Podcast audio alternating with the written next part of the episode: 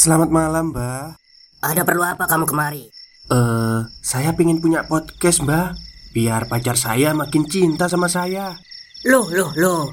Mau bikin podcast kok tanya dukun? Sekarang kamu download aplikasi Anchor.fm. Di situ kamu bisa buat podcast gratis dan podcast kamu bisa didistribusikan ke platform mana pun. Dan di aplikasi atau website Anchor.fm juga terdapat fitur-fitur yang memudahkan kamu untuk membuat podcast. Oh, gitu ya, Mbak. Kalau gitu, saya boleh minta password wifi-nya, Mbak. Buat apa? Buat download Anchor.fm, Mbak.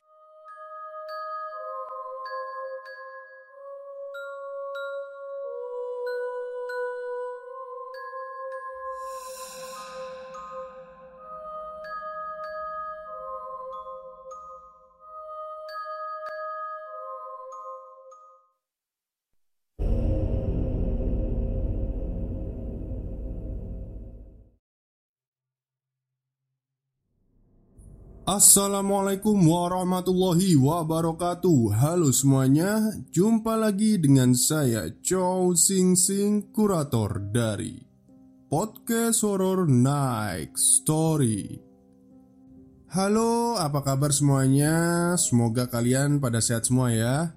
Dan seperti biasanya pada malam hari ini Saya kembali dan akan membawakan sebuah kisah mistis untuk kalian semua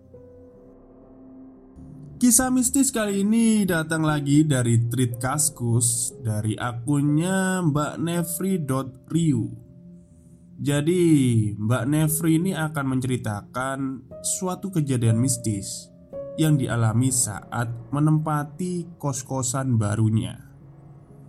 Seperti apa kisahnya? Mari kita simak. Perkenalkan nama Ane Nefri Ani kuliah di Universitas Sriwijaya atau Unsri di Inderalaya Sono Masuk ke Kabupaten Ogan Ilir, Sumatera Selatan. Jadi, tiap Senin sampai Jumat Selalu bolak-balik Palembang ke Indralaya. Karena kawasan dekat kampus Ani itu ya nggak terlalu asyik lah menurut gue kalau nggak ada kendaraan sendiri, ya kayak patah kaki lah. Angkotnya juga terbatas rutenya dan waktunya juga terbatas. Susah nyari angkot kalau sudah sore. Karena hal itulah, teman sekelas Ane yang berasal dari Batu Raja akhirnya memilih ngekos di Palembang. Biarpun perjalanan dari kos ke kampus jauh, tapi waktu baliknya dia bisa hangout ke mana aja atau mencari kebutuhan sehari-hari, gak terbatas ruang dan waktu. Aneh waktu itu milih ngekos di Indralaya. Selain ingin meningkatkan nilai akademik karena ngekos sama temen yang pinter, juga biar kebutuhan sehari-hari lebih hemat. Tapi nggak taunya semua planning tersebut berbanding terbalik dengan kenyataan. Nilai aneh ya gitu-gitu aja. Hemat kagak, boros iya. Mana bete juga di sana. Hal yang paling aneh tunggu-tunggu selama di kos adalah nyuci baju. Gila aja kan? Karena nggak ada TV dan radio pribadi. Adanya TV bersama seantero kos itu. Ya, anak kos lama pastinya yang menguasai tuh TV dengan gaya sengaknya. Karena aneh udah kadung minta izin sama mama buat ngekos jadi, Ane tengsin kalau balik lagi ke rumah. Ane memilih nginep di kosnya Yani yang rumah tiga tingkat itu. Gedung kos tersebut berada di belakang kampus Universitas PGRI Palembang di kawasan Pelaju. Jadi, Ane masih bisa hangout di Palembang dan pulangnya nggak pusing mau balik lagi ke Indralaya yang perjalanan paling cepat satu jam naik bus. Yani dan Ani memang temenan akrab sejak awal semester. Jadi, Ani ngerasa biasa aja berleha-leha di tempatnya. Kamar Yani berada di lantai dua gedung kos tersebut, sedangkan ibu kosnya tinggal di depan gedung kos tersebut. Kamar kos Yani cukup besar Ruang tamunya luas kamar yang cukup untuk meletakkan barang-barangnya, dapur, dan kamar mandi sederhana. Tapi ada keanehan yang aneh rasakan di kos Yani. Sebenarnya Yani juga merasakan hal yang sama, tapi kepo aneh terlalu kelewatan dibandingkan Yani dan aneh merasa betul-betul ada gangguan di sana. Gak pagi, siang, sore, atau malam. Dari atas kamar kos Yani Selalu bunyi batu yang digelindingkan. Memang Di atas kamarnya Yani ada tiga kamar kos yang sudah terisi.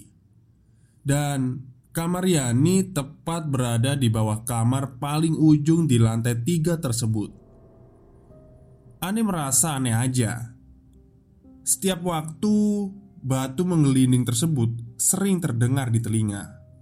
Terkadang suara batu yang ditumbuk-tumbuk di lantai, atau suara aneh lainnya. Aneh yang penasaran, lalu bertanya kepada Yani, "Yan, emang di atas ada yang ngekos juga ya?" Ada tiga kamar. Oh, Udah terisi semua kamarnya Kata ibu kos sih sudah Waktu aku cari tempat kos dulu kan Yang masih kosong cuma kamar ini Selebihnya udah keisi semua Berarti Kamar di atas kita ini Ada orangnya ya? Ya iyalah. Itu dengar sendiri aktivitasnya. Beberapa hari nginep di kosnya Yani. Suara tersebut tak henti-hentinya terdengar. Aneh terus penasaran. Emang siapa sih yang tinggal di atas sana? Iseng banget mainin batu sampai mengganggu anak kos lainnya. Lalu Aneh kembali menanyakan perihal kamar kos di atas Yani Aneh masih nggak percaya. Kalau di kamar atas ini ada orangnya. Orang normal maksud Ani Yan, apa kamu sering dengar suara batu menggelinding gitu? Iya sering. Kenapa emangnya? Kamu gak takut? Kayaknya aneh banget deh. Kayak gak ada kerjaan aja orang di atas. Selalu mainin batu terus Ya, gak tau lah yang jelas kata ibu kos Di atas itu ada orangnya. Ya udah percaya aja. Lagian kalau mau diikutin takutnya Aku juga takut kali. Apalagi tinggal sendiri di sini. Kamu betah ya tinggal di sini? Iya, sampai nanti dapat tempat kos yang lebih murah dari ini Kata Yani Beberapa hari nginep di kos Yani Rasa penasaran Ane semakin menjadi. Ane ingin memastikan betul Siapa yang tinggal di kos atas. Waktu Ane tanya ke, ko, ke ibu kosnya Yani Dia bilang kalau kos atas yang tepat di atas kosnya Yani itu emang udah terisi. Lalu Ane penasaran Pergi ke lantai tiga Jendelanya memang tertutup oleh gorden putih yang transparan. Lalu, Ane mengintip di sela gorden yang terbuka, dan ternyata tidak ada siapa pun di sana. Tidak ada barang-barang anak kos pada umumnya. Ada sih beberapa barang, tapi itu bukan barang yang seperti kamar gitu. Maksudnya itu bukan barang yang seperti di kamar, tapi seperti di gudang lah. Jumlah barangnya juga tidak banyak, nyaris kosong. Tidak ada perintilan apa pun yang menandakan bahwa di kamar tersebut ada anak kosnya. Dan yang lebih parahnya lagi, Pintu kamar itu tidak hanya dikunci, tapi terali pintunya juga digembok dari luar. Pikirku, untuk apa coba dikunci dan digembok segitunya? Saat Ane masih ngintip-ngintip dari luar kamar itu, tiba-tiba ada suara dari belakang yang memanggil Ane. Sontak Ane kaget dan langsung menoleh ke belakang. Hah, sambil ngelus dada, ternyata itu anak kos di sebelah kamar itu. Kamu kenapa ngintip-ngintip? Eh, anu kak, uh, ini kak mau lihat aja Nih kamar kosong nggak ya? Aku mau cari kos-kosan Katanya ada kamar yang kosong di sini Jadi aku cari-cari di lantai satu dan dua Penuh semua Dan waktu ke sini aku lihat kayaknya kamar ini yang kosong Lantai tiga penuh semua Kamar ini juga sudah penuh sambil menunjuk kamar angker tersebut dengan nada yang ketus. "Oh, udah keisi ya, Kak?" "Ya udah deh, aku cari kos lain aja." Ane langsung nyelonong aja turun ke bawah. Untungnya anak kos itu nggak kenal sama Ane, kan Ane pendatang di kos ini. Emang kos ini ramenya bejubel Jumlahnya ada mungkin kali ya 50-an kamar Kamar yang kosong tapi ada suara-suara aneh di dalamnya Pertanyaan itu terus menggelayuti pikiran aneh Kok bisa gitu ya? Aneh ingat betul cerita para sesepuh dulu. Kalau ada gedung atau rumah yang ada kamar kosong dikunci dan gak boleh dimasukin atau digunain Biasanya kamar itu emang dipakai untuk melakukan ritual Atau juga tempat peliharaan halus yang tinggal di situ Adanya kamar kosong misteri tersebut juga dikaitkan dengan yang berbau ilmu penglaris Ya, aneh gak ngerti juga sih Itu kan katanya Aneh juga nggak bilang kamar itu sama fungsinya kayak yang diceritain oleh sesepuh Aneh. Malam pun tiba. Ane dan Yani memilih melanjutkan ngobrol dan bercerita di dalam kamar tidur. Stop, stop, kita break sebentar. Jadi, gimana? Kalian pengen punya podcast seperti saya? Jangan pakai dukun, pakai anchor, download sekarang juga gratis. Kamar tidur di kos Yani ini berada di tengah kamar kosnya. Maksudnya tempat tidur mungkin ya. Ada banyak keanehan yang Ani rasakan di dalam kamar kos ini. Yang pertama, atap kamar tidur Yani ini basah karena air dari kamar kos yang di atas airnya ngerembes. Tapi logikanya, masa posisi kamarnya Yani ini di atas kamar mandi, kamar atas sih? Oh, maksudnya ini, maksudnya itu uh, kasurnya si Yani ini, apakah posisinya ada di atas kamar mandi kos, kamar mandi kamar kos yang di atas gitu loh? Terus Kamar itu kan gak ada anak kosnya.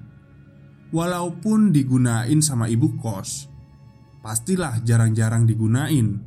Gak tiap hari juga kan Otomatis penggunaan air di kamar mandi itu juga gak seintens anak-anak kos lainnya. Mubazir juga dong. Keran air dibiarin hidup sampai air di bak meluber-luber Tapi Gak ada orang yang gunain airnya. Airnya selalu menetes tiap hari. Kalaupun gak menetes Kelihatan banget rembesan air yang membasahi atap kamar tidur Yani Gak sampai di situ aja. Waktu Ani tidur Air tetesan dari atas atap kamar tidur itu selalu kena muka Ani Tapi Waktu Ani lap muka Ani Gak ada air sedikit pun yang menempel di muka Ani Karena gak mau ambil pusing ya Akhirnya Ani melanjutkan tidur.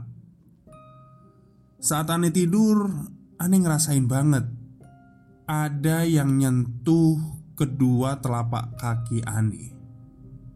Padahal jelas-jelas Yani ada di samping aneh dan kaki aneh itu hampir mentok ke lemari baju Yani Walau nggak kesentuh. Ini jelas-jelas kayak ada telapak kaki dari arah depan Yang menempel di kaki aneh Terlebih kerasa banget di jempol kaki aneh Aneh penasaran Lalu aneh bangun dan ngelihat kaki aneh Gak ada apa-apa Gak ada yang menempel. Karena ketakutan Ane akhirnya melipat kaki Ane dan memeluk guling Yang Ane rebut dari tangan Yani yang udah molor. Beberapa kali Ane mondar-mandir ke kamar mandi di kos Yani. Dan selalu saja ada bayangan putih yang ngikutin Ane dari belakang Walaupun terlihat sekilas Terkadang ada kayak orang dari dapur masuk ke kamar mandi sekelebat. Ani kira itu Yani. Ternyata Yani masih di kamar tidur. Dan kayaknya ada kamar kos yang angker di kos-kosan ini. Dan kalau kalian pengen tahu kosnya di mana, itu dari kampus UPGRI Palembang terus aja. Lalu ada pertigaan Belok kanan sampai mentok. Nanti di sana ada kos tiga lantai. Hehe, selamat mencari. Oke, itulah akhir cerita dari Mbak Nevria Atas pengalamannya saat menginap di kamar kos temannya. Jadi bisa jadi ya kemungkinan uh, mohon maaf. Si pemilik kos ini ada sesuatu yang berhubungan dengan hal gaib. Karena Kalau memang ada salah satu kamar Kalau memang kamar itu belum ada yang ngisi atau belum laku Itu wajar ya Tapi kalau kosong tapi di di apa ya dibilang udah ada yang ngisi ya itu nggak wajar Apalagi kayaknya ada kerjasama sama anak kos yang di lantai atas itu untuk menyembunyikan sesuatu. Oke, mungkin itu saja cerita saya malam hari ini. Dan maaf ya kalau ceritanya pendek. Dan terima kasih juga kepada Mbak Nefri yang sudah mengizinkan ceritanya untuk diupload di podcast saya. Terima kasih banyak Mbak Nefri. Oke, mungkin itu saja ya dari saya. Kurang lebihnya saya mohon maaf. Selamat malam dan selamat beristirahat.